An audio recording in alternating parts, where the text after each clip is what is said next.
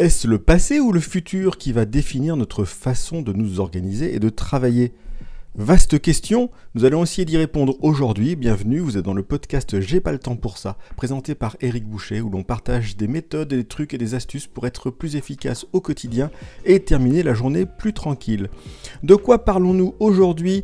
De recherches menées par monsieur Philippe Zimbardo et dont j'ai eu connaissance la première fois en traduisant le livre Productivité parfaite, puisque Francis Wade en parle dans le chapitre concernant le vidage. Pourquoi? Il nous explique en fait euh, les deux perspectives entre autres choses, que Philippe Zimbardo a défini. La première, c'est ce qu'il appelle la perspective de temps présent. Et que nous dit Francis Wade? Les personnes avec ce trait de caractère pensent que les comportements d'aujourd'hui ont un effet bien plus faible sur les résultats futurs que les actions qui prennent place au plus près du résultat lui-même. Par conséquent, ils ont du mal avec les dates limites, pensant qu'il n'est juste pas nécessaire de beaucoup planifier pour le futur, parce que même les plans les mieux rédigés sont sujets à des changements importants.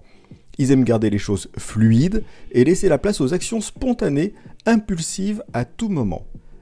Ça, et euh, ce que nous dit Francis Wade aussi, c'est que ça correspond assez bien à l'approche de David Allen sur Getting Things Done.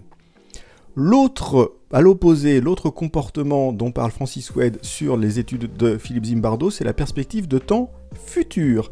Les personnes qui ont une perspective de temps futur pensent que les actions d'aujourd'hui sont critiques pour atteindre les objectifs de demain. Ce sont des planificateurs structurés qui atteignent souvent des résultats complexes et sont fortement motivés par les objectifs. évidemment, ils considèrent ceux qui ont une perspective de temps présent comme feignants et indisciplinés. De la même manière, ceux qui ont une perspective de temps présent voient leurs collègues comme contrôlants, exigeants et coincés. Ce qui veut dire que nous avons chacun une approche qui va nous décrire le mieux et que nous allons faire en sorte d'atteindre la tranquillité d'esprit avec l'une ou l'autre point d'intérêt, Francis Swen nous mentionne que les professionnels avec une perspective de temps futur sont souvent plus nombreux que les autres au niveau élevé des organisations. Et donc, nous dit-il, si vous prévoyez de monter dans l'échelle sociale, attendez-vous à devoir montrer plutôt ce comportement.